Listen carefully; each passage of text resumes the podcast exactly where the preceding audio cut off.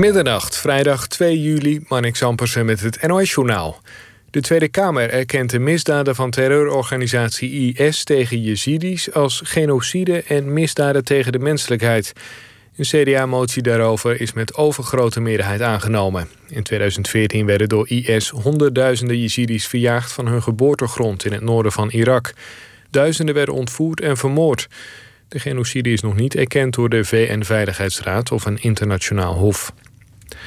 De financieel topman van het familiebedrijf van oud-president Trump wordt verdacht van belastingontduiking. Het Openbaar Ministerie in New York heeft na twee jaar onderzoek aanklachten ingediend tegen Ellen Weisselberg. De topman van de Trump Organization zou onder meer een appartement en auto's hebben gekregen die hij niet opgaf aan de Belastingdienst. Weisselberg zegt onschuldig te zijn. Trump zelf noemt het onderzoek politiek gemotiveerd en hij spreekt van een heksenjacht van de Democraten. Een discotheek in Enschede gaat voorlopig dicht. Zaterdag is een aantal bezoekers besmet geraakt met het coronavirus. De discotheek roept de 800 jongeren, jongeren die er afgelopen weekend waren op om zich te laten testen. Zaterdagnacht was het eerste grote feest in de Enschedese discotheek in anderhalf jaar. Op een aantal plekken in Portugal geldt vanaf morgen opnieuw een avondklok. Op 45 plekken, waaronder Lissabon en Porto, moeten mensen tussen 11 uur s avonds en 5 uur s ochtends binnen blijven. De maatregel is volgens de autoriteiten nodig vanwege een toenemend aantal coronabesmettingen. Afgelopen dag werden ruim 2400 nieuwe besmettingen gemeld, het hoogste aantal sinds februari.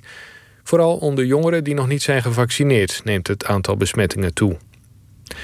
Het weer nog, vannacht wisselend bewolkt, droog en plaatselijk kans op mist. De minimumtemperatuur ligt rond de 14 graden. Overdag eerst bewolkt, later meer zon, maar ook nog een enkele bui. Tot zo'n 21 graden. Dit was het NOS Journaal. NPO Radio 1. VPRO. Nooit meer slapen.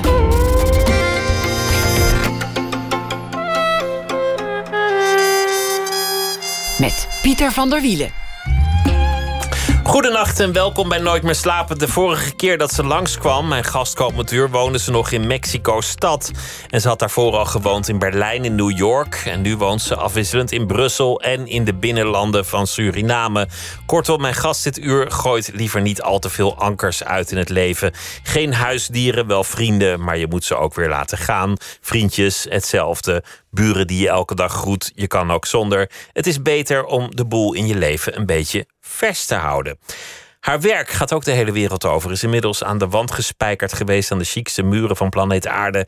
Het MoMA in New York, Tate in Londen en het Stedelijk Museum te Amsterdam. En dan heb ik echt nog maar een heel klein uh, topje van de berg genoemd. Anouk Kruithof is hier. Ooit, lang lang geleden, moest de schilderkunst zichzelf helemaal opnieuw uitvinden. Dat kwam door de komst van de foto. En nu is de fotografie zelf aan de beurt. Want hoe wapen je je eigenlijk tegen die overdaad aan beelden via Instagram en andere media? Wat voegt dan één foto nog toe? In het werk Universal Tongue bijvoorbeeld verzamelde Kruithof alle dansen van de wereld die ze kon vinden. Een megalomaan project. Zonder meteen te pretenderen volledig te zijn, uiteraard. Ja, dansen. Je zou er bijna aan voorbij gaan, maar sinds afgelopen weekend mag er in Nederland voor het eerst in tijden weer gedanst worden. Tenminste, als de app er niet uit ligt en je testuitslag niet vertraagd is. Maar toch, vooruit, hyper de pipora, we mogen weer dansen. Het werk Universal Tongue laat zien in die collage van dansstijlen dat dans een taal is die alle volkeren van de wereld kunnen verstaan. Anouk Kruithof groeide op in Dordrecht en zij stamt uit het jaar 1981. Anouk, welkom. Wat leuk dat je, dat je er bent. Ja, leuk om je ook weer te zien, toch? Na een ja, paar jaar. Ja, een paar jaar. En ik, ik, ben, ik ben eigenlijk gewoon hier geweest. En ik heb ook een huis hoor, maar. maar uh, je hebt wel een huis. Ja, ik heb een huis ook. En, maar maar niet, niet veel gebeurd. Ik kan, kan niet zeggen, er is eigenlijk niks gebeurd.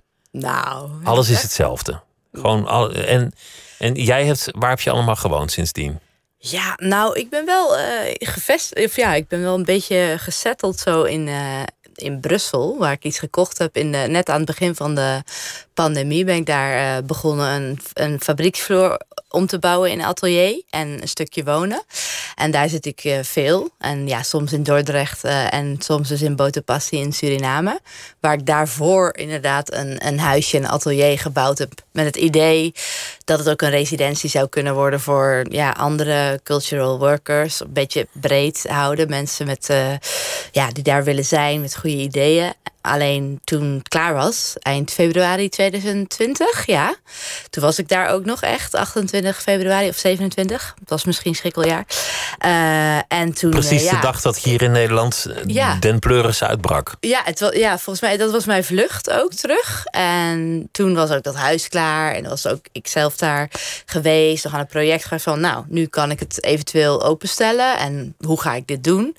Maar ja, toen kwam ik terug en inderdaad, een week daarna was ik in Brussel aan het verbouwen. Maar uh, brak de, ja, wat we allemaal wel kennen. Waar we nu, uh, ja, ook alweer anderhalf jaar verder zitten. Ja. Dus, uh, maar inderdaad, wel daarvoor inderdaad Mexico heb ik wel verlaten. En toen een tijdje nomadisch geweest. En op een gegeven moment kwam ik in Suriname terecht, helemaal verliefd Wacht, op... Uh, nomadisch geweest, dat zeg je ja. mooi. Maar wat, wat is dat eigenlijk? Ja, ja een tijdje mm, ja, weg uit Mexico. Alles in de opslag bij mijn ouders in Dordrecht. En... Uh, anderhalf jaar heb ik geen plek gehad. Dus toen ging ik gewoon uh, ja, van waar mijn werk mij roept of zo, project, residentie, periode bij vrienden, I don't know. Gewoon een beetje, ik wist nog niet echt helemaal waar ik moest gaan zijn. Wel dat ik dichter bij Nederland wilde komen. En dat het ook wel eens goed was om een grote plek te hebben. Want ik heb gewoon, maak veel werk, ruimtelijk werk. Ik verzamel veel. Boeken, objecten uit de hele wereld en allerlei dingen. En ja. Dat past eigenlijk niet bij je levensstijl nee, om, om dan spullen te gaan verzamelen. Super slecht. En grote werken maken ook. Ik bedoel, ik maak ook best wel grote werken of ook ja, een sculptuur uit 4000 boeken. Ik bedoel, dat is drie pallets, weet je wel. Dat is niet echt grappig of zo, de opslag daarvan. Drie pallets van twee meter hoog. Als je het in de opslag hebt, zo'n soort werk. Dus ik weet het ook niet. Dat is heel tegenstrijdig, ja. Dat zou ik echt niet moeten doen. Maar gelukkig uh, vindt het altijd wel een plek of zo. De galeries hebben een aantal werken. De garage van mijn vader. En dan nu in Brussel heb ik uh, grote plek. Dus.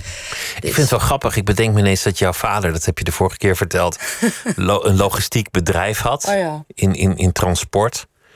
En dat jouw leven dus ook voor een groot deel uit transport bestaat. Ja, ja. Je hebt het nu dat... al over pallets en, en containers. En, uh, ja, inderdaad. Wat, wat dat betreft, opslag. daar weet ik ook wat van. Maar daar weet mijn vader natuurlijk ook heel veel van.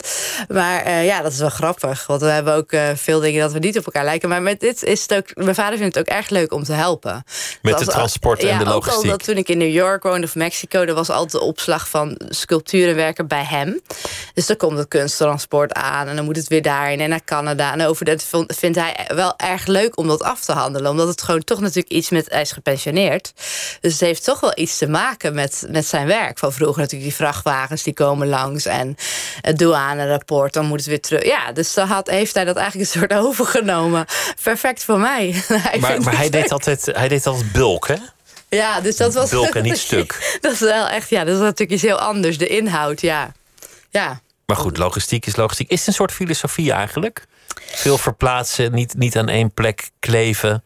Ja, of het zou De een wereld angst, misschien is angst. Eh, nee, nee, het is natuurlijk een vrijheid. Ja, het is iets Waar, heel. waar eh, angst voor dan? Nou ja, dat is meer wat andere mensen zeggen. Daar denk ik wel, wel eens over na. Omdat, ja, omdat misschien de. Ja, know of het de norm is dat, dat er wel verwacht wordt. Dat, dat je op een bepaalde leeftijd je misschien een keer rustig wordt. En dan eh, ja, een, eh, op een plek blijft. En eh, dat is tegen mij natuurlijk ook vaak gezegd. Maar inmiddels ben ik veertig en dan denk ik ook wel na van, nou ja, is dat eigenlijk wel zo?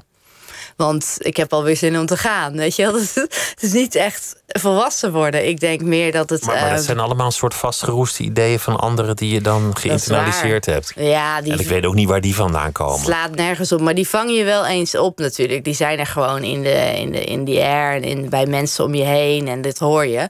Maar daar hoef je ook helemaal niks van aan te trekken. Maar toch, soms als je merkt dat het moeilijker is of zo om op zo'n manier te leven, ga je daar weer over nadenken, word je weer onzeker. Maar op andere momenten waarin je echt zo die, ja, die vrijheid ervaart, of waarin ik bijvoorbeeld aan de rivier zit in, in Botopassi in het midden van de nacht, eh, weet je wel, met volle maan en dat je gewoon, ja, het is fantastisch. En die geluiden van van al die insecten, vooral kikkers heel veel. Dat is echt een heel extreem orkest of zo. Dat je daar zit en dat je ook heel, ja, heel veel kracht voelt of zo. Die, die, die rotsen waar je op zit, hoeveel miljoenen jaren die daar zijn. Ik weet het niet, het is echt heel sterk. Ja, transformatief om daar te zijn, maar ook om, om die vrijheid te ervaren, nergens aan vast te zitten. Dat is iets heel krachtigs en iets wat mij heel veel geeft. Denk ook heel veel inspiratie en heel veel ideeën. Ik heb ook het idee dat daardoor blijft mijn hoofd ook wel gaan. Weet je wel, daar, daar de ideeën eh, die komen er altijd in en die kunnen ook weer geventileerd worden of zijn wat minder, dan laat je ze gaan. En door ook dat reizen en dan weer daar te zitten, dat, eh, ja, dan blijft het op de een of andere manier gewoon ja, een soort van uh, vloeien of zo, of, of stromen. En, uh, en dat is wel goed, denk ik. Terwijl voor als ik voor iemand een, die creatief werkt, is dat wel belangrijk als dat, Ja, zo, als dat zo werkt. in, in een bepaalde ruimte of zo. Ik zou ook nooit een, ja, echt een studio uh, atelierkunstenaar kunnen zijn. Dat is natuurlijk bij bepaalde kunstenaarspraktijken echt evident om gewoon in, ja, om in die studio te werken. Bij mij is dat echt soms, weet je wel. Ik heb echt, ik werk heel project-based. Ik heb dat ook wel eens nodig en de computer en dan ben ik daar alleen maar. Ik bedoel bijvoorbeeld Universal Tong, maar uh, ik moet altijd weer weg, weet je wel. Dat, die, ook die wanden van die studio, die moeten gewoon, ja, die moeten gewoon veranderen. Dat ik moet of ik ben op pad ergens anders weer werk maken en weer terug. Maar ik zou nooit daar altijd kunnen zitten en alleen maar kunnen putten uit mijn eigen hoofd en bepaald materiaal of zo. Maar, maar je hebt het wel gekocht in Brussel en je hebt het wel laten bouwen in, in Suriname. Ja, maar, oh, maar dat is, ik bedoel, in Suriname, dat is gewoon, uh, ik zie dat meer als kunstproject. Dat heb ik wel zelf al mijn geld geïnvesteerd en ook gewoon ongeveer over een jaar of een aantal periodes daar dat gemaakt met lokale uh, bouwvakkers en uh, met andere creatieven, met Lasse, samen met Alice en uh, zelf ook met allerlei mensen die ik inmiddels goed ken. ja, van van de stenen van de begraafplaatsen van Paramaribo. Daar zijn heel vaak mm, badkamertegels over. Ze maken van badkamertegels mausolea voor als iemand uh, overleden is. En dan is er altijd zo'n berg overschot. En die heb ik overal opgehaald. En die hebben gewoon uh, ja, iets van 600 kilo uh, gebroken tegels, badkamertegels, naar de jungle gesleept. En daar weer een heel mozaïeke vloer. Dus de studiovloer onder het huis. Heb ik dus ook samen met een aantal mensen gemaakt zelf daar. van beton en, en, die, en die gebroken tegels. Dus het was meer ja, voor mij en ook om te leren van die, van die lokale bouwvakkers, uh, hoe zij dat deden met wat iets modernere bouw dan hutten, zeg maar. Want ja, hut is gewoon iets dat, dat kan je echt niet doen als buitenstaan, omdat je dat elk jaar moet je je dak vervangen en zo. Dat, ja, dat gaat natuurlijk echt niet werken als je eigenlijk niet echt daar bent. Uh, dus dat was gewoon een heel interessant creatieve uitwisseling en samenwerkingsproject. Ik zag het meer als kunstwerk eigenlijk dan. Maar ik heb het gezien, dan, want het staat op Airbnb. Je kunt het, je kunt het huren ja. als, als je wil. Het is niet zo dat Ryanair bepaald vliegt op de jungle van, van Suriname. Nee, Daar moet je even rekening mee houden. Er is een vliegveld in Botenpassie. Als je, als je, je kan dus. Maar voor, dat is voor een eenpropellerig toestel, neem ja, ik maar aan. je kan toch wel volgens mij uit Paramaribo. Als je niet die reis wil maken, wat echt een dag neemt... Dan kan je, en je hebt wat meer geld, dan kan je gewoon een uh, chartervlucht nemen. Echt heel bizar. Maar dat is toevallig dat dat vliegveld en dicht bij Debike... dat is een uh, soort klein uh, ziekenhuisje voor meerdere dorpen, zeg maar, op dat gebied. En dan daar, nou ja, gelukkig, daar zit dat vliegveld. Dus dat is eigenlijk nog best wel goed voor iemand die dat niet aan zou kunnen om met de bus en de boot daar te komen. Maar dat is wel natuurlijk de, de ware ervaring om met dat bootje Tuurlijk, ja. helemaal misselijk aan te komen. Ja, ja ik ben ook dat nooit gevlogen. Maar Ronnie Brunswijk wel. Toen die heeft zijn 52-jarige verjaardag in Botenpassie gevierd. En het was zo bizar. Toen kwam hij met twee kleine chartervliegtuigen. Eén, zij uh, voor hem en zijn crew. En die andere zat helemaal vol met eten en uh, alcohol. Dus er zat geen mensen in. Dat was echt, ja, dat is echt gewoon zo absurd. Als je bedenkt ook hoe de passie, hoe iedereen daar leeft. En dan zoiets. Weet je wel, voor een 52-jarige verjaardag van iemand die.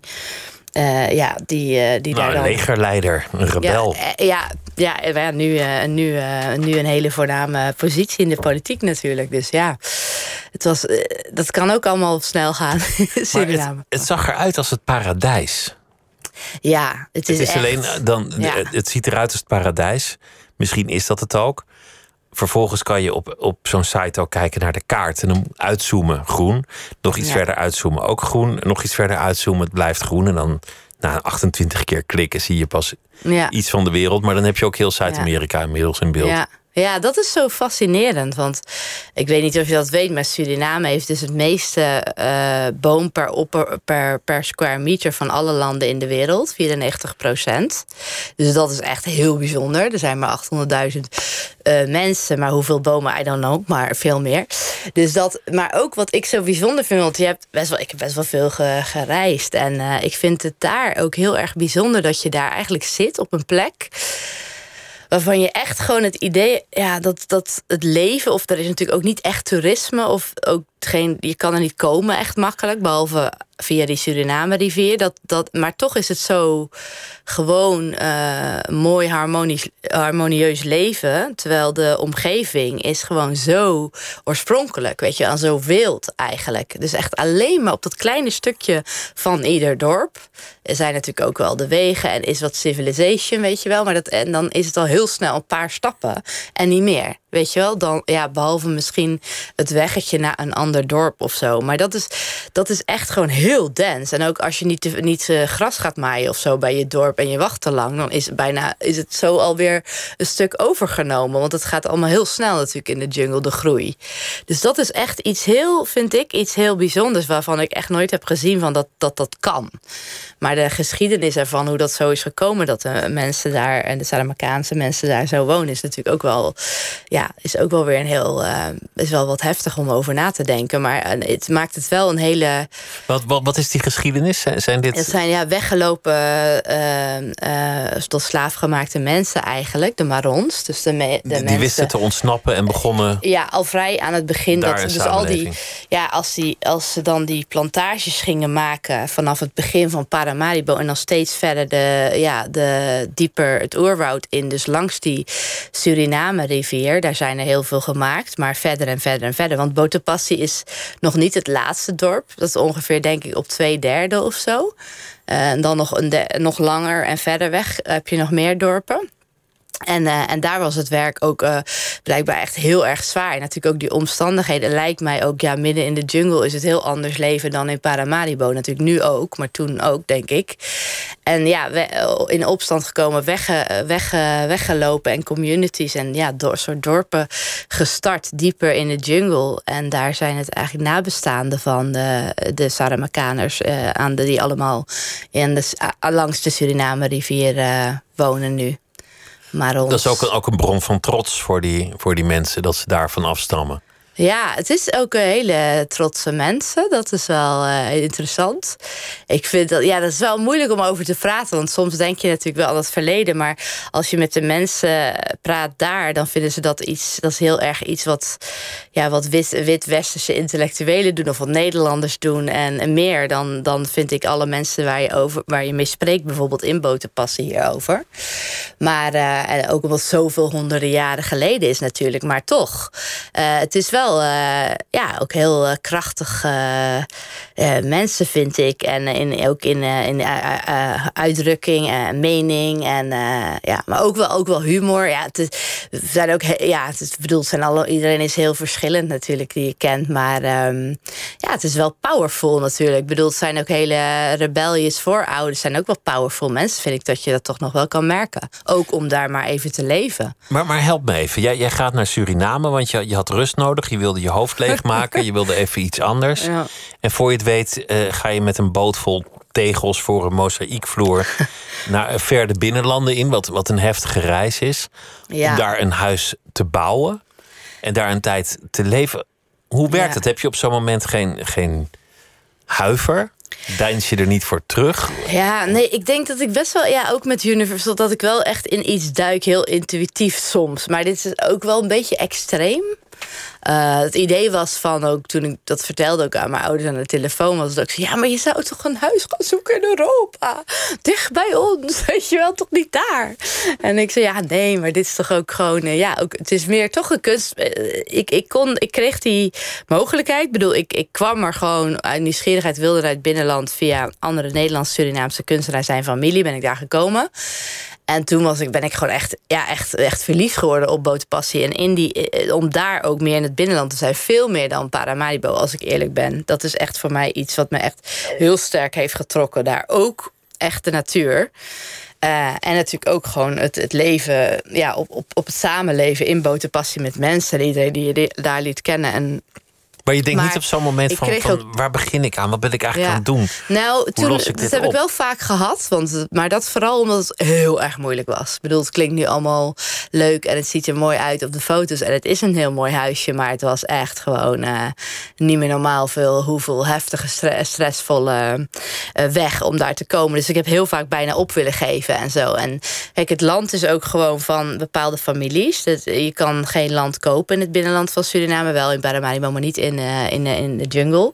Dat gaat allemaal over families, dus moet je toestemming vragen. En in het dorp bij de, bij de kapiteins. En, uh, en dat uh, uiteindelijk kwam ik iemand tegen die mij ook heeft ge gevraagd: van oh, wil je niet hier iets bouwen? En dan gaan we samenwerken. En uh, ja, op zo'n manier ging het. Daar werd ik enthousiast van. En daar ben ik dus mee gaan, soort van samengewerkt. Dus als jij enthousiast wordt, kan je die weer stoppen. Dat is eigenlijk ja, de, of dan zie ik, ik zie niet echt dat het einde of dat het moeilijk is. Ik denk dat ik nooit echt zie van iets is onmogelijk. Want Universal Tong is ook een heel erg vrij, ja, wat, wat ja, megalomaan project, dat, is, dat heb ik niet zelf gezegd. Maar iemand heeft dat ooit geschreven en dan wordt dat weer aangehaald. Maar, Zei ik het ook volgens mij, Ja, toch? het staat ergens anders is het geschreven in een krant volgens, mij. Volgens mij is het gewoon waar, daarom zegt iedereen dat. Maar ja, of dat, dat is wel grappig, want dat is toch iets wat bij mensen hoort. Kan dat bij een project horen? Ja. Megalomanie? Ja, bij, een, bij het werk aan zich is dat of zo. Nee, het, het project is megalomaan. Dus dat gaat. Laten we het daar zo over, over hebben. Over de makers, ja, toch. Over Universal Tong. Want dat, was dus, uh, ja, het is een goede. Het was net ervoor uh, dat ik naar Suriname ging. Dus dat is een goede. Uh, ja. De gedachte was zoveel mogelijk dansvormen van over de hele wereld verzamelen. Ja, het was, ja, het was meer um, ja, echt een fascinatie voor. Oké, okay, hoe kijk, dans dansvideo. Uh, dat manifesteert zich op het internet. En dat is natuurlijk al dat is, wordt alleen maar meer door, die, door social media. Nu, TikTok is natuurlijk enorm. Ook door die pandemie, dat kent iedereen. Maar dat was toen nog niet zo groot in het jaar 2018. Maar natuurlijk wel ook gewoon YouTube, Facebook, Instagram. En ik had zelf altijd al zoiets van: ik vind het gewoon zo bijzonder dat door, dat, ja, door het uploaden van iedereen die, die verschillende uh, dansvideo's, maar natuurlijk ook traditionele uh, dansen, zo meer op YouTube, weet je wel, van groepen. Terwijl de zelf, de, één persoon met zijn pasjes, dat hoort natuurlijk heel erg uh, bij de telefoon, eerste, eerste web en daarna uh, de telefoon. Dat is een heel ander soort dans eigenlijk natuurlijk. Of een heel ander soort filmpje. Waar iemand zichzelf filmt of een duo. En dan een soort performatief iets doet. En dat dan het internet en het publiek. Oké, okay, wauw. De hele wereld heb je mee. Als je goed bent. En kan je gevolgd worden. Maar door dat allemaal te bekijken en ook, ook te zien hoe dat algoritme van die social media, natuurlijk als je begint te kijken, dat allemaal aan elkaar koppelt en je komt daar en daar en daar. Zelf ben ik daar echt, uh, ja, ik, ik ben daar heel erg door gefascineerd. Ik hou zelf ook heel veel van dansen, maar ook daarna kijken. Gewoon puur om te leren en te zien. Maar door dat algoritme, denk ik ook, ben ik ook zelf wel een beetje de weg daar kwijt. Want dat linkt dan weer naar dit en dit en dit. En voordat je het weet, ben je uren verder. En dat had ik al best wel vaak, weet je wel. En toen dacht ik ook van, jee, maar waarom, als dit me toch zo heel nachten wakker houdt, dan moet ik toch eigenlijk wat mee doen, Want weet als je wel? Jij, als jij dansfilmpjes kijkt, dan, dan denken de, de, de, de algoritmes die houdt van dansfilmpjes, gooi er nog maar een paar over de schutting. Ja, en, en die step en, nog en meer, al die en nog tekst. meer, en nog ja, meer. die tekst die er ook aan zitten. Natuurlijk in die filmpjes krijg je weer uh, ook, ook die andere... Die, die ook datzelfde stapje doet, wat nu echt zo viral steps of zo kunnen zijn. Weet je wel, dat je heel veel mensen... Nu heb je ook iets met pannen. Ik weet niet, dat is wel heel grappig. Dat is echt van nu. Dat die mensen dan pannen op zichzelf plakken. Dat komt heel erg in de pandemie. Dat op hun lichaam. En dan hebben ze een bepaald nummertje. En dan, dan slaan ze op die pannen op dezelfde manier. Maar echt, je ziet, over, je ziet allemaal verschillende mensen uit allerlei landen dit doen. En dat is echt zoiets met die pandemie, weet je wel? Dat het gewoon zo'n viral ding wordt. En of je nou in Japan Oezbekistan, I don't know, in Gouda, iedereen loopt dat te doen. Dat is toch de best hele wel wereld imiteert. en, apart, ja. Dat het, ja maar, dat je- maar help me even, je, je gaat dan, dan heb je ineens een fascinatie en het algoritme helpt ook al niet. Het hadden theoretisch ook kattenfilmpjes kunnen zijn. Ja. Of ik Ja, heb, het, ik heb een tijd nee, is- algoritme ja. gehad, botsende Nee. bootjes. Ja, nee, maar bij mij met dat de, iets doen met dans over het internet van de hele wereld, dat stond altijd wel al in een e-mail in mijn e-mailbox al jaren. Zo van echt iets dat je ook alle landen, dat je alle dansstijlen, alles van over de hele wereld echt onderzoekt. Dat had ik al heel lang als idee. En toen kreeg ik een soort mogelijkheid Maar wat is dan precies het idee? Hoe, hoe, hoe ga je dan verder? Wat, wat Nou, is het dan de idee was om, om het echt samen te brengen. Dus dat ik echt dat, de, dus video van dansen, dansstijlen vanuit elke cultuur, elk land van de wereld zou kunnen verzamelen. En ik dacht dat kan. Ik bedoel, nu kan het Van, door het internet. tot de limbo. Ja, dus, oh, ja, maar ook echt, ik dacht dat kan ik natuurlijk nooit alleen. Dus ik moet mensen vinden. Dus ik ben onderzoekers gaan verzamelen, eigenlijk zelf, over social media. Eh, van, om te kijken, van kunnen jullie ook... Die kunnen natuurlijk in hun eigen taal typen... maar hebben ook hun IP-adres van een computer... is op een andere geografische locatie. Dus daardoor vinden ze ook andere dingen dan ik. Bijvoorbeeld hier in Hilversum. Dat is natuurlijk heel veel verschil. De taal en de kennis. Dus uiteindelijk, weet je, als jij iemand hebt die... Oké, dan had ik iemand uit Algerije... maar die deed dan vier of... eh, eh, Noord-Afrikaanse landen allemaal. Want oké, daar kan ik het wel van onderzoeken. En dan heb ik een PDF gemaakt van hoe je dat moest doen. Eh, eh, en al, dat kan je opvolgen. En dan hebben ze uiteindelijk voor een euro per video die video's aan mij aangeleverd. En ook een kleine tekstbeschrijving van welke dansstijlen erin voorkwamen in hun filmpjes. Dus ze mochten zelf beslissen. Ik geef Anouk 87 filmpjes of ik geef er 150. Het was gewoon als zij voelde: ik heb deze landen helemaal onderzocht en this is it. Deze, deze komen hiervoor. Dit is het. Nu heb ik de filmpjes dat het rest is zij of hetzelfde. Dit is het Anouk. Dat was aan de onderzoekers. En wanneer telt iets als een dansstijl? Want je hebt natuurlijk ook nog mensen die kunnen gewoon niet dansen. Nee, En- maar die, er zit dus ook. Kijk, het, het, het- wat een beetje verkeerd gaat, volgens mij soms in dat communiceren nu over dat project. Ik bedoel, er zitten uiteindelijk duizend ja, gevonden dansstijlen in. Door mij en die 52 onderzoekers. We zijn 52 bij elkaar. Een team van 50 eh, researchers eigenlijk. En wij kwamen erachter dat er duizend dansstijlen dus beschreven waren. Als we dat allemaal hebben. En, maar er is heel veel video footage. Er was 250 uur aan video. 8800 filmpjes. Dus daarin zit ook van allerlei, weet ik veel wat voor dans. Wat natuurlijk helemaal niet valt onder een dansstijl. Want er zijn natuurlijk ook zat. Het hoeft niet stelvast te zijn per definitie. Natuurlijk niet. Het is gewoon één grote eclectische mix aan video footage van dansen uit al die verschillende landen, gevonden door al die researchers en ik samen. Maar wat we erin herkend hebben, is uiteindelijk de ook duizend dansstijlen. En het is een andere laag. Weet je wel, dat is een boek geworden en een database. Dat, eh, waarin dus al die dansstijlen beschreven worden, hun betekenis. En, dat, en terwijl de video-installatie aan zich is gewoon een eclectische mix. Daar kan je helemaal niks aanwijzen. gewoon alles door elkaar. Ja, en, en, wat- ook. en dan Ja. ontstaat er dus wat jij noemt een universal tongue, een, een, een soort wereldtaal, een Ja, maar dat komt, door, dat komt door het editen. Dat komt wel ook door het editen. Want eh, hoe het geëdit is en hoe we het hebben aangepakt. eh, en ook door de muziek. We hebben zeg maar van, van al die 8800 filmpjes... hebben we ook muziek ge- eruit gehaald. Uit oorspronkelijk. En met de muziek-editor Koen Nutter samen soundtrack gemaakt. Dus per uur. Dus er zijn vier uur. Is er sound. En de editors hebben altijd geluisterd daarnaar. En daarna en daar de footage op geknipt. Dat, dat was ook mijn opdracht, zeg maar, aan hun. Want het alles is met een heel groot team gemaakt. Niet alleen met mij. Dat kan absoluut niet bij dit. Dit is gewoon zo groot. Zoveel. En daardoor lijkt het alsof die mensen die je ziet op al die video's... of dat nou een groepje of alleen redelijk ja, op wat je hoort beweegt. Maar dat is natuurlijk niet zo. Dat is gewoon de manier wat ik bedacht heb van zo gaan we het in elkaar zetten. En, en, en dat gevoel krijg je. Terwijl je weet natuurlijk wel als je kijkt naar... oh, dit filmpje, oh, dat is in de woestijn met eh, Afghanistan met een paar militairen.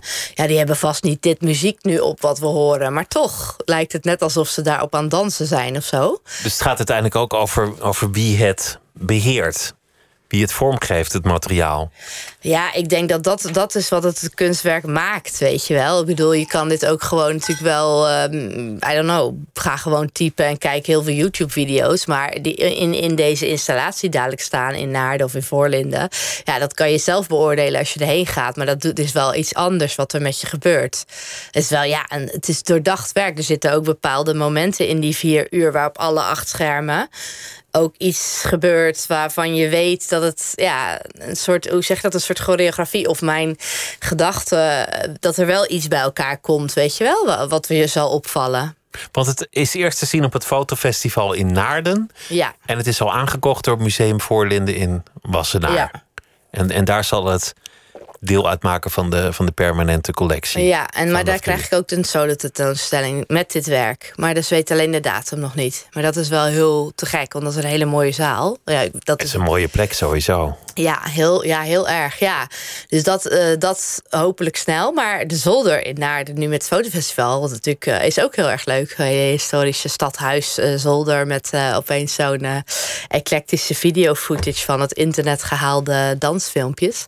Dat is wel goed contrast of zo... met die houten balken en ja, zo'n soort... ja, hele mooie oude zolder is het. Maar, maar je kon niet meer stoppen. Je, je was helemaal al verloren geraakt in dat, in dat project. ja, Alles was dans. Je moest nog meer filmpjes en nog meer binnenhalen. En je zat maar te klikken en aan het scherm. En je kon eigenlijk niet meer zo goed daar vandaan. En op een dag ben je, ben je door de brandweer uit je raam oh getakeld in zo'n mandje. Daar moeten we het over hebben. Ja, nou ja dat was absurd. Ja, ja ik Wat, had wat was, wat was daar dan weer Nee, ik gebeurd? kon gewoon niet meer bewegen op een gegeven moment. Ja, ik ben wel een beetje te ver gegaan. Vooral met dit project, maar ook met andere dingen. Het was echt heel extreem toen.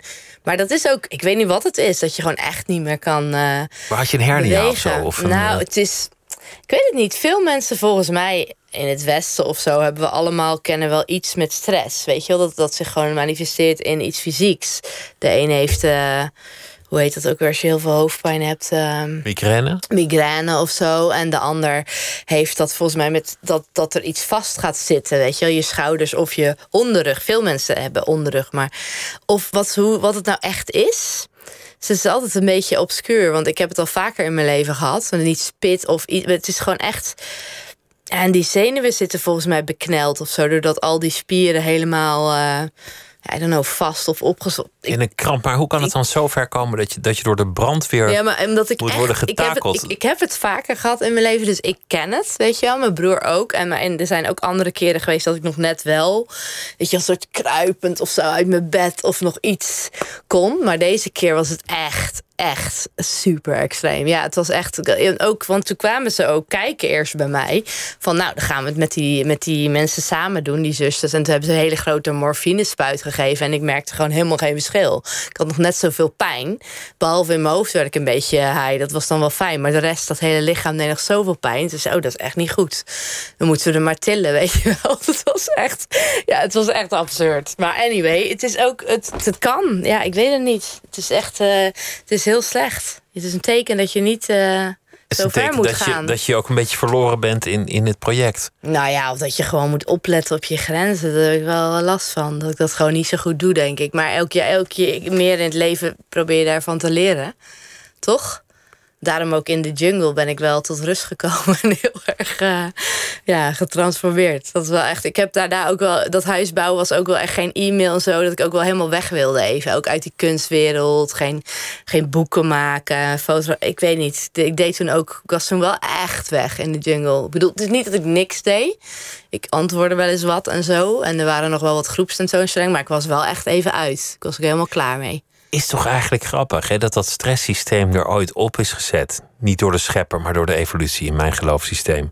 Om ons te waarschuwen voor concrete gevaren. Wilde dieren bijvoorbeeld. Ja. En dat mensen nu tot rust komen in de jungle waar die concrete gevaren nog altijd gewoon zijn. Ja, ja, die panter, dat is wel grappig. Want die kinderen in Botenpassie, die noemen ze zwarte poes daar. Dat is zo Zwarte grappig. poes, nou, je, wil hem niet dubbel. tegenkomen. Nee, die ben ik dus niet tegen me gekomen. Maar ik heb ook het idee dat ik daar minder bang voor ben... dan mezelf zoveel pijn aandoen als dat. Met dat want dat is echt hels gewoon. Ik vind, ik vind dat met die rug. En wat ik dat al vaker heb, dat vind ik echt veel heftiger dan... I don't know, bang zijn in, voor een tarantula of iets anders daar of zo. Ik weet het niet. Het is gewoon andere angst, weet je wel? Ja, ik denk dat, dat de kleine beestjes gevaarlijker zijn dan, dan de zwarte poes. Want die zit, zit hoog op zijn tak en die interesseert zich gewoon echt niet voor mensen. Ach, dat is echt onzin. Dat is ook helemaal niet. Dat is heel weinig dat ze in dat dorp nog komen hoor. Want die komen niet meer door alle brandvuurtjes van het afval wat verbrand wordt en zo. Denk ik. Die is heel zeldzaam. Ja, maar een, een of ander insect die heel goor bijt of een virusje of zo. ja, maar en goed. trouwens, een spin, hè? Tarantulas, die zijn er veel. Maar die doen ook niks. Die vond ik wel heel eng, maar die doen dus niks. Dat denken eh, Westerlingen volgens mij. En ik ook allemaal dachten we dat, maar dat is niet zo. Komt er al die films dat we dat denken? Ja, volgens mij alleen als je natuurlijk met je elleboog keihard op hem duwt of zo, wat dat niet, ja, dan gaat dan wel, want dat vinden is die in bang. Maar als hij gewoon loopt over je stoel of op je been loopt, dan doen ze niks dus blijkbaar. Ook al zijn ze nog zo, maar ik vind ze ook verschrikkelijk. Maar het is wel echt waar dat ze maar, niks maar doen. hebben, hebben die al door jouw paradijselijke huis daar gelopen? Ja. Ja, dat, dat wil ik nooit vertellen, want dan wil niemand nu. Dan gaat je Airbnb'tje eraan. Nee, want er is nog nooit iets gebeurd. Dat is echt totaal onzin. Oh. Het staat er alleen maar op omdat dat natuurlijk wel de manier is om het te gaan runnen. Weet je, dat je plaatjes kan kijken. En dat als iemand een keer wat boekt, dat je ook die kalender hebt. Dat is gewoon hartstikke handig. Maar het idee om het voor creative workers te maken en een beetje zo via via laten gaan. Als jij ook zei dat je zou willen gaan of mensen. Dat is gewoon nooit gelukt, want het was pandemie. Ik bedoel, dat zou moeten lukken. Het is wel, vind ik, echt open voor iedereen. Want het, zijn, het zou ook gewoon goed, het moet gewoon vol zijn. Weet je wel, zo'n zo'n mooie plek. Eh, het is voor iedereen. Maar het liefst zou ik natuurlijk wel mensen, ja, iemand die, I don't know, zijn script wil schrijven. Of, of eh, ehm, wel iets creatiefs doen daar beneden met, of met klei. En dan, dat heeft ook effect op de kinderen. En het is tof, maar dat hoeft niet, weet je wel? En de Ja, mensen in Botepassies vinden het ook gewoon fijn als er gewoon mensen komen. En dan, weet je wel, kunnen mensen tours. En dan, ja, dan kan er geld verdiend worden door mensen daar. Dus dat is ook wel belangrijk, weet je wel? Vind ik ook. Voor wie net inschakelt, Anouk Kruithof zit tegenover mij. En we hebben het gehad over eh, het leven en eh, heel veel projecten die, eh, die je maakt. hebben we nog helemaal niet besproken. Ehm, nou ja, in MoMA heb je gangen, Tate Modern. In Parijs expositie gehad, Berlijn, in, in het stedelijk, in, in Foam in Amsterdam, op, op heel veel plekken. Veel, veel van jouw werk gaat eigenlijk wel een beetje over de vraag van... wat, wat moet je nog als kunstenaar of als fotograaf met al dat beeld? Ja, Wa- Wat, wat, wat kan je er eigenlijk nog tegenover stellen? Het is eigenlijk iets heel raars. Je loopt een museum binnen en dan ga je met heel veel aandacht naar iets kijken. Dan zeg goh, nou, en, en vervolgens op je telefoon scroll je en heb je al 9000 plaatjes gezien. ja. ja als, je, als, je, als je zo kijkt, maar dat is natuurlijk wel in relatie tot bijvoorbeeld fotografie of platte illustraties en zo. Ik bedoel, alleen dat zou, kan je wel misschien vergelijken met die plaatjes op een, een device, op een telefoon. Dat, dat geldt natuurlijk totaal niet voor eh, kunst Voor waar ja, Ja. Of waar je een ervaring of iets kan ruiken, of een installatie of een sculptuur, of zoveel dingen, of de tactiliteit van het boek. Maar meer voor fotografie en illustratie en tekeningen. Misschien, ja, schilderkunst natuurlijk ook totaal niet. Ik bedoel, dat kan eigenlijk niet vertaald worden door naar een plaatje op je telefoon. Maar ook dat gebeurt natuurlijk wel. Maar ik vind het fascinerend, want ik kom natuurlijk wel uit, ja, dat is mijn achtergrond. Ik vind dat ook eh, heel interessant dat, om, om met, eh, ja, met Wat, wat eh, is jouw achtergrond? Wat bedoel je dan? Oh ja, nou op zich gewoon kunstacademie en dan fotografie en sculptuur en in fotografie afgestudeerd. Maar dat was in 2004 of zo. Ja, dus dat is heel lang geleden. Dat voelt echt. ja, ik ben nou echt meer transmediaal, vind ik. En ik werk echt ja, gewoon vanuit ideeën en whatever medium of uiteindelijke vorm, dat, eh, dat zie ik gewoon al naar gelang het project, het idee, eh, wat daar, wat daar, hoe het het beste tot uiting kan komen. Daar zit ik helemaal niet meer vast. Dat ben ik ook echt, zo ben ik wel opgeleid misschien om zo te denken in foto's die iets vertellen van één naar, naar het einde in een serie, in een soort, nee, dat, dat, dat doe ik helemaal niet meer. Maar ook omdat ik daar toen wat tegen had, terwijl ik echt zoiets, wat is dit? Wat voor raar medium, weet je wel? Dat is heel wat, erg wat, wat je, had je daar dan precies tegen? De, be- de nou, beperking. het is zo beperkt, joh. Dat lijkt mij, als je dat studeert ook, dan moet je sowieso dat medium ook gewoon wel gaan bevragen. Ik bedoel, als je ermee werkt. Dus je bent en- opgeleid tot fotograaf, maar dan moet je eigenlijk denken van...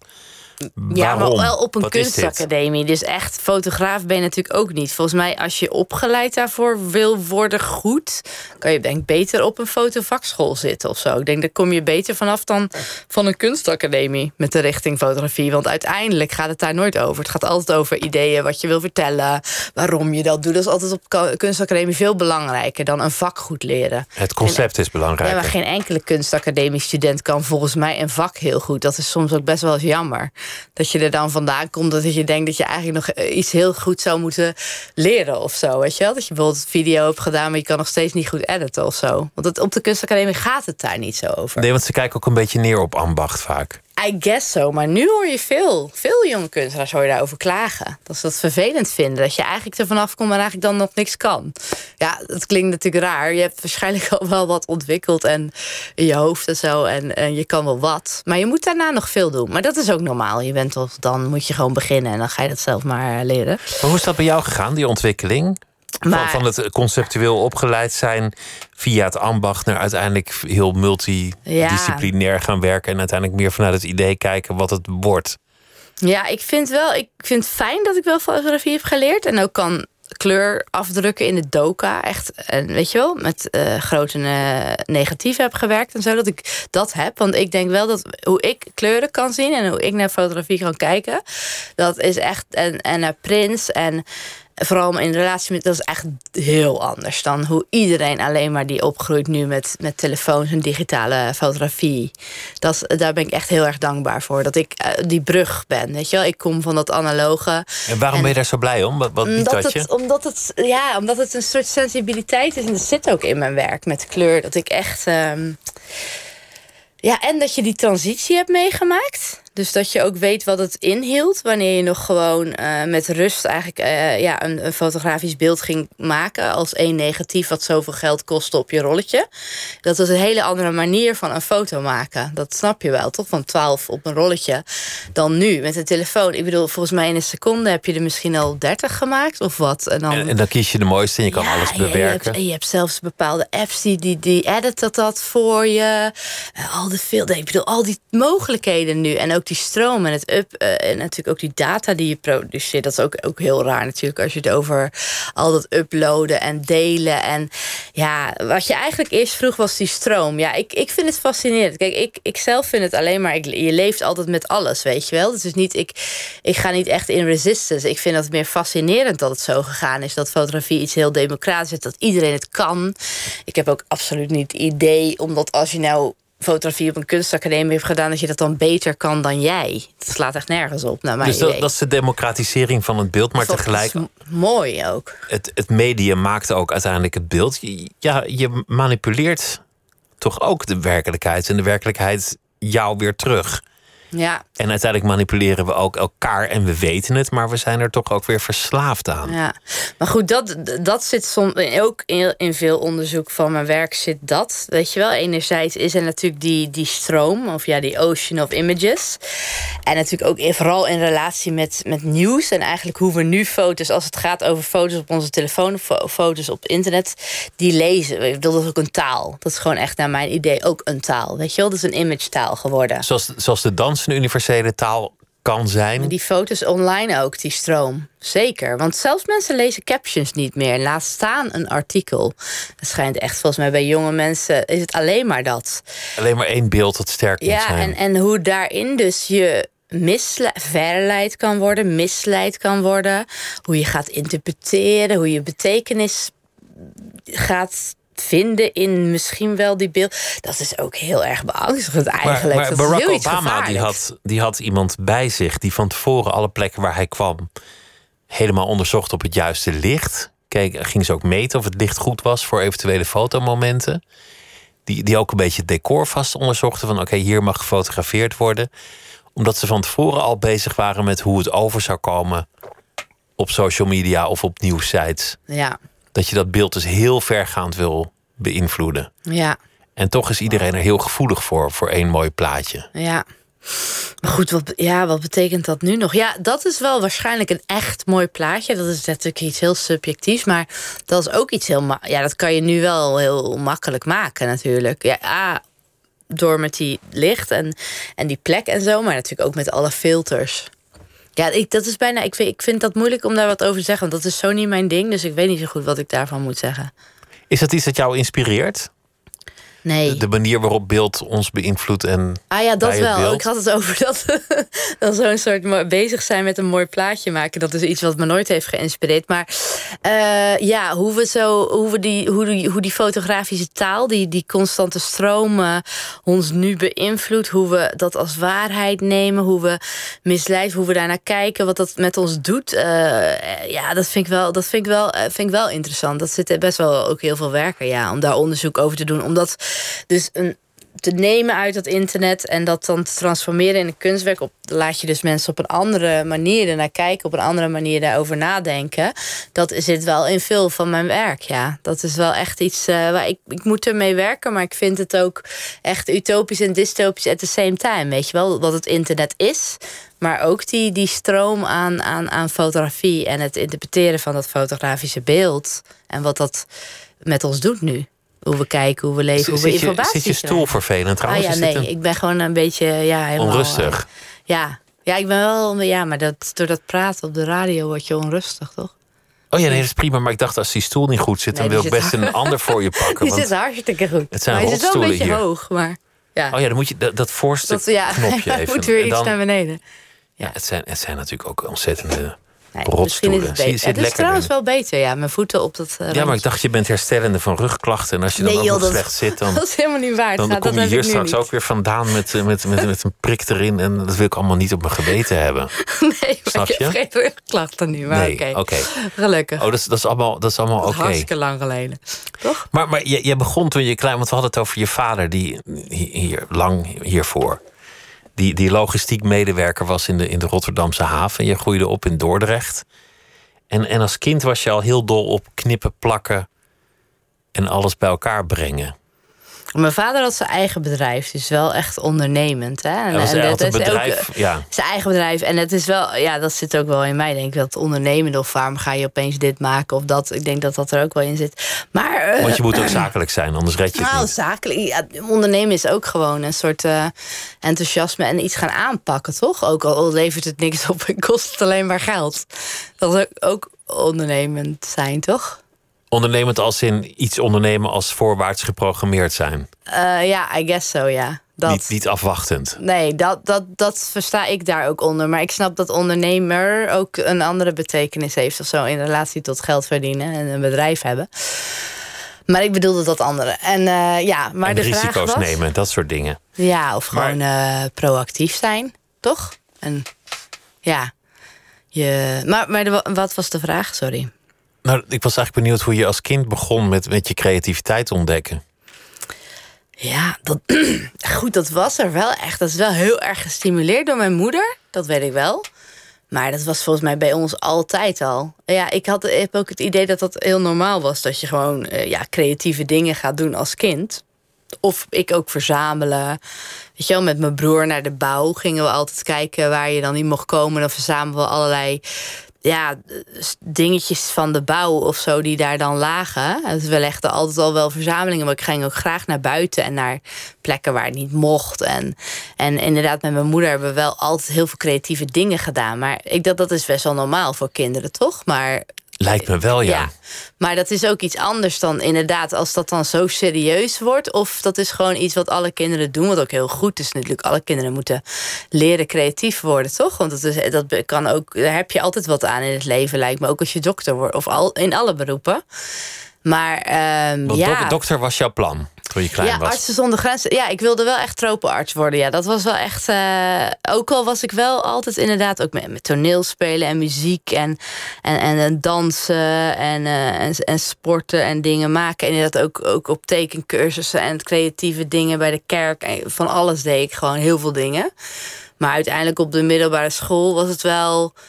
Of ja, ik was ook wel bezig met boeken verzamelen, kunstboeken en zo. Weet je wel, dat, dat ben ik wel altijd gaan doen. Maar of, of ik nou echt wist, en ook fotografiecursus al toen ik heel jong was, met zwart-wit afdrukken en zo. Toen ik denk 13 of 14 was of zo, bij het Cultureel Centrum in Dordrecht. Dus dat was wel echt een interesse. Maar uiteindelijk gewoon naar, naar school gaan was wel echt, eh, ja, ik wilde wel echt dan arts worden, tropenarts. Maar toen ik die beta, toen ik eenmaal ja, wat eh 16, 15, dan dacht ik wel, oeh, dat is toch wel vervelend, die beta-vakken. Al die cijfertjes. En, en, en- en wanneer kwam de bevrijding dat je jezelf toestond om van wat je leuk vond ook je, je beroep te Ja, maken? Ja, het was bij ons ook die school, zo'n klein en wat elitairder gymnasiumschooltje, was het niet zo echt zo normaal. Je had maar tekenen tot de vierde, dus er waren heel weinig eh, creatieve vakken. En het was ook echt alleen tekenen. Weet je, dat was best wel limited. En daarna hield het dan ook op. Zo van in de vijfde en zesde heb je dat niet meer nodig. Dat zegt wel veel over die. Het schijnt nu niet meer zo te zijn bij die school, hoorde ik. Want mijn nichtje gaat erheen. Maar gelukkig uh, dat dat dus echt zo is van... oh, dat, heb je dus, dat doe je even leuk tot de vierde... maar daarna wordt het serieus. Maar bij mij was het meer, ja, dan werd je 16 en, en seksualiteit en uitgaan en drank en dingen. En eh, nou, toen was het niet meer leren. Toen dacht ik al snel, uh, heb ik echt geen zin in, in die vakken. Moeilijke vakken.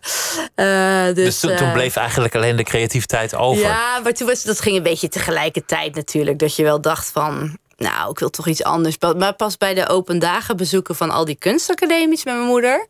was het echt zo van, wauw, weet je wel, dat, dat is gewoon paradijs. Hier kun je alles doen. Modeontwerpen, architectuur, fotografie, je kan alles doen. En, en mijn moeder dacht ook zo, ja, dat is wel jouw wereld. Ik zei, ja man, dat is geweldig.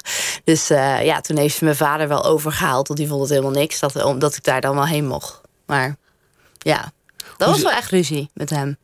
Maar dat, nu, dat zag hij niet zitten, want, want hij wilde iets serieus. Nee, dat vond hij echt heel erg, ja. Ik was ook het laatste kind wat dan nog uh, ja, dokter kan worden... maar meer zoals universitaire studie. Dat hij er echt die hoop had, weet je wel. Van, oh, dat wordt zij dan wel.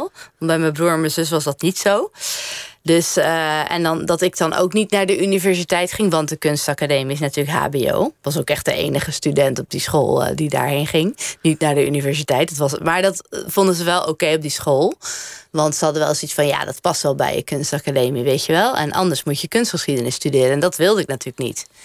En, en toen, ja, mijn vader vond dat inderdaad niks. Die had echt zoiets van, ja, gewoon iets. Ja, ik, dat is ook heel normaal. Je kan daar je geld niet mee verdienen, dat soort dingen. Dat doen heel veel ouders zeggen dat volgens mij. Maar dat was van. Ik, ja, uiteindelijk nu uh, kijkt hij daar heel anders naar. Maar dat was wel toen echt zo. Uh, maar dat komt omdat je veel succes hebt. Hoe, hoe, hoe jaag je dat eigenlijk na? Hoe, hoe zorg je ervoor dat je in MoMA terechtkomt. Nou, de vraag die ze allemaal willen kraken. Ja, maar dat is ook. Ja, maar dat, je brengt dat ook wel als zoiets groots. Dat vind ik eigenlijk. Ja, dat is iets groots. Nou ja, maar het is toch ook ja, een onderdeel van een groepstentoonstelling waar meerdere mensen waren. Natuurlijk, ik, ik vind het meer. Het is groot als in. Het is bijzonder dat in zo'n korte tijd 15.000 mensen of zo langs je werk zijn eh, gaan lopen. Dat, dat, is, dat klinkt wel echt zo van wow. Maar at the same time uh, is het. Uh, ja, dat is, ik weet het niet. Ik heb daar totaal geen strategie voor. Het is gewoon dat ik echt uh, gewoon kunst wil maken. En dat ik daar mee naar bed ga en opsta. En dat het altijd dat is. Ik ben altijd met mijn werk bezig. Behalve als ik afgeleid word dat we echt iets anders doen of zo. Of ik kies er echt voor om te lezen of om in de natuur te zwemmen in het water of te dansen een hele nacht. Maar anders ben ik daar gewoon mee bezig. En ik denk dat dat altijd zo geweest is. En als je dat doet en je bent gewoon 18 jaar aan het werk, ja, dan, dan gaat het gewoon zo, toch? Dan krijg je gewoon kansen, dan, dan heb je projecten. Ik, ik hoor het je... zeggen, maar je kent toch zoveel kunstenaars die, die zijn misschien wel 40 jaar bezig en die hebben nooit iets in die zin bereikt. Er zijn nog steeds hele lieve mensen, maken ze mooie dingen, maar het, het, het lukt vaak niet.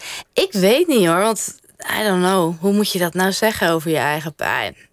Had, had je een plan? Had je een strategie? Heb je, heb je een nee, route bewandeld? Dat, vind ik, dat vind ik zelf. Want ik vind zelf ook, ik kijk naar mezelf heel erg van. Ik, bedoel, ik vind het heel erg mooi. Ik ben heel erg dankbaar hoe het is. En ik vind het enorm voorrecht van dat ik dit mag doen. En dat ik ook onaf zo vrij ben en onafhankelijk mijn geld kan verdienen. En ook zelf, ja, ik heb niet echt grote galeries ook. Dat zou ik wel willen, maar die mij echt uh, verder kunnen helpen. En dat heb ik niet echt. Ik heb wel twee galeries, maar veel kleinere.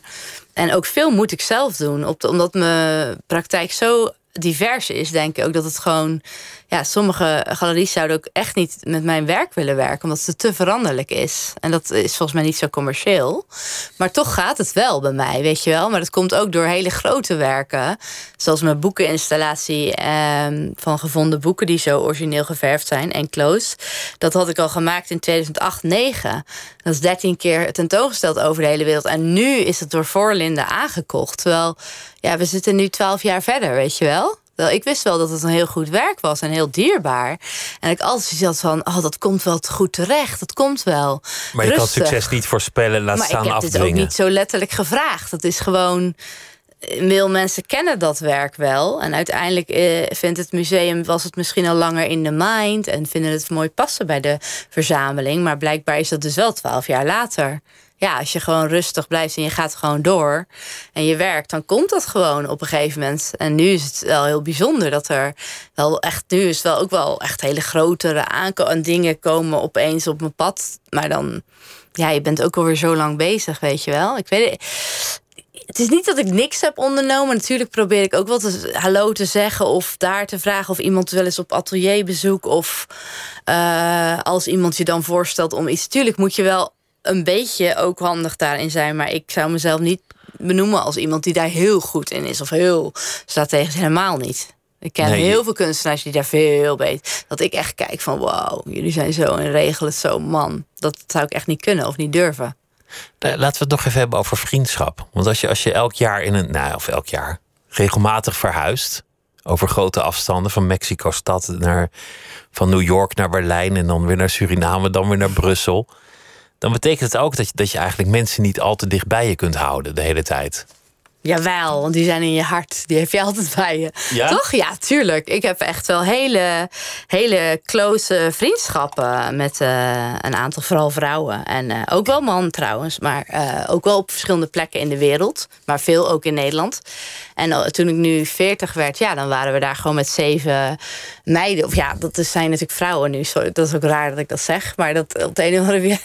We zijn natuurlijk vrouwen en dan waren we daar allemaal bij elkaar. Maar we kennen elkaar echt 20, uh, 25, 23 jaar, I don't know. Super lang. En, uh, en we hebben dat gevierd en het was heel bijzonder, ja. We wel de enige geen moeder. Dat is wel apart of zo bij zo'n groepje. Maar uh, ja, dat is ook heel normaal dat het zo is of zo. Maar ik, ik onderhoud wel. Ja, ik, ik ben altijd bel. Of ja, je hebt WhatsApp. Dat is ook een fantastische tijd. Je kan overal zijn en toch dicht bij elkaar. Ik bedoel, nu mensen met de pandemie, met Zoom, hebben dat meer ervaren. Maar voor mij was dat altijd al veel normaler. Dat ik echt met videocall in Botopassie. En uh, weet je wel, dat ik. ik Zelfs daar lukt dat nog om te zoomen. Als je veel weg, uh, verder weg bent, denk ik, doe je meer moeite naar die mensen die je zo dierbaar zijn, die ook in Nederland zijn. En dat heb ik altijd gedaan. Terwijl mensen die dan op dezelfde stad blijven wonen, die hebben natuurlijk ook heel erg daar hun, hun klang, weet je wel, dichtbij. Maar dan ben ik ook wel denk ik in hun hoofd. Maar het is meer dat ze leven daarmee. Dus ik moet wel iets meer bellen, heb ik het idee omdat je weg bent. Als je weggaat, moet je wel iets meer moeite doen. Andere mensen zien elkaar toch wel. Of ja, nou die, ja, die hebben meer de klang die er altijd is. Terwijl als je in je eentje ergens zit te reizen, ja, dan heb je niet die klang. Dan ga je wel bellen natuurlijk. Wat, wat heeft het je eigenlijk gebracht om, om op zoveel plekken te wonen? Welke rijkdom heb je eraan overgehouden echt, die je niet had e- willen missen? Enorm, enorm grote rijkdom naar mijn idee. Het is echt, ik vind echt. Um, en, ehm, wat is die rijkdom? Ik denk het grootste is dat uitzoomen of zo. Ook met mijn werk, wat, uh, wat, wat naar mijn idee ook niet zo specifieke verhalen zijn, maar altijd veel uh, dat je echt leert om veel verder uit te zoomen. Omdat je zoveel verschillende ja, mensen, plaatsen, culturen, verhalen. En ik praat ook wel veel met vreemden. Of ik probeer me altijd natuurlijk overal waar je bent te verdiepen en te verhouden. En dat is dan weer inspiratie om werk te maken. Dus ook doe je onderzoek, maar je leeft er ook. Dus je bent, je komt echt. Eh, hoe meer je ja, verschil of zo ervaart. Uh, en, en ook weer daarin ziet gelijkenis. Want dat kan je alleen maar doordat als je weg bent en al die andere dingen. En die verder uitzoomt en meer leert, kan je zien zoveel gelijkenis, zoveel.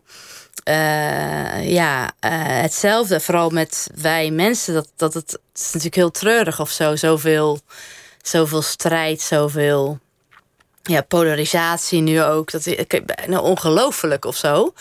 Maar ik heb het idee dat als je zoveel beweegt en je in zo verschillende plekken en verhoudt tot zoveel verschillende mensen van andere achtergronden, dat dat, dat wel echt, ja, dat heeft me, dat verrijkt je heel erg. In de zin van dat je meer kan uitzoomen en veel filosofischer kan nadenken over bepaalde moeilijke issues of zo. Ik denk als je kleiner en ergens dichtbij en je gaat nooit ergens, dan zijn al die dingen en alles zit allemaal al hier. Hele kleine dingen kunnen problemen zijn, maar je kan niet goed uitzoomen of zo. En dat is echt een, het is echt iets wat ik omarm als je dat het leert. relativeert, want, want het is, dat is, wel waar. Dat is, mensen maken zich, ik meen het zo te kunnen vertalen, vaak enorm kwaad over dingen die er eigenlijk helemaal niet toe doen.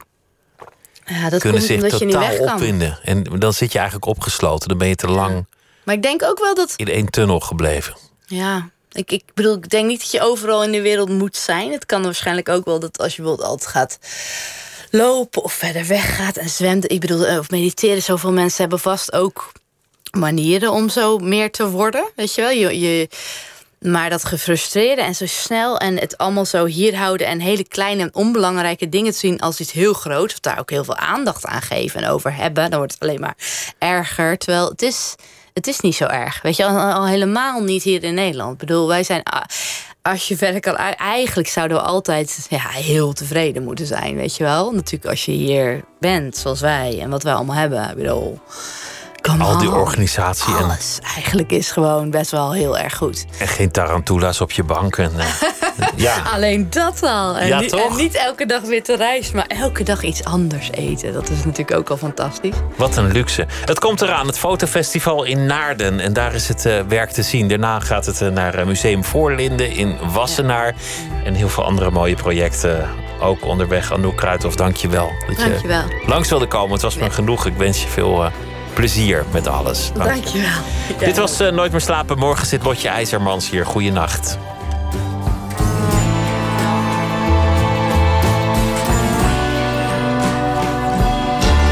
Op Radio 1.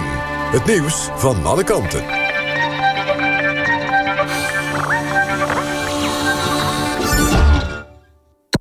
NPO Radio 1.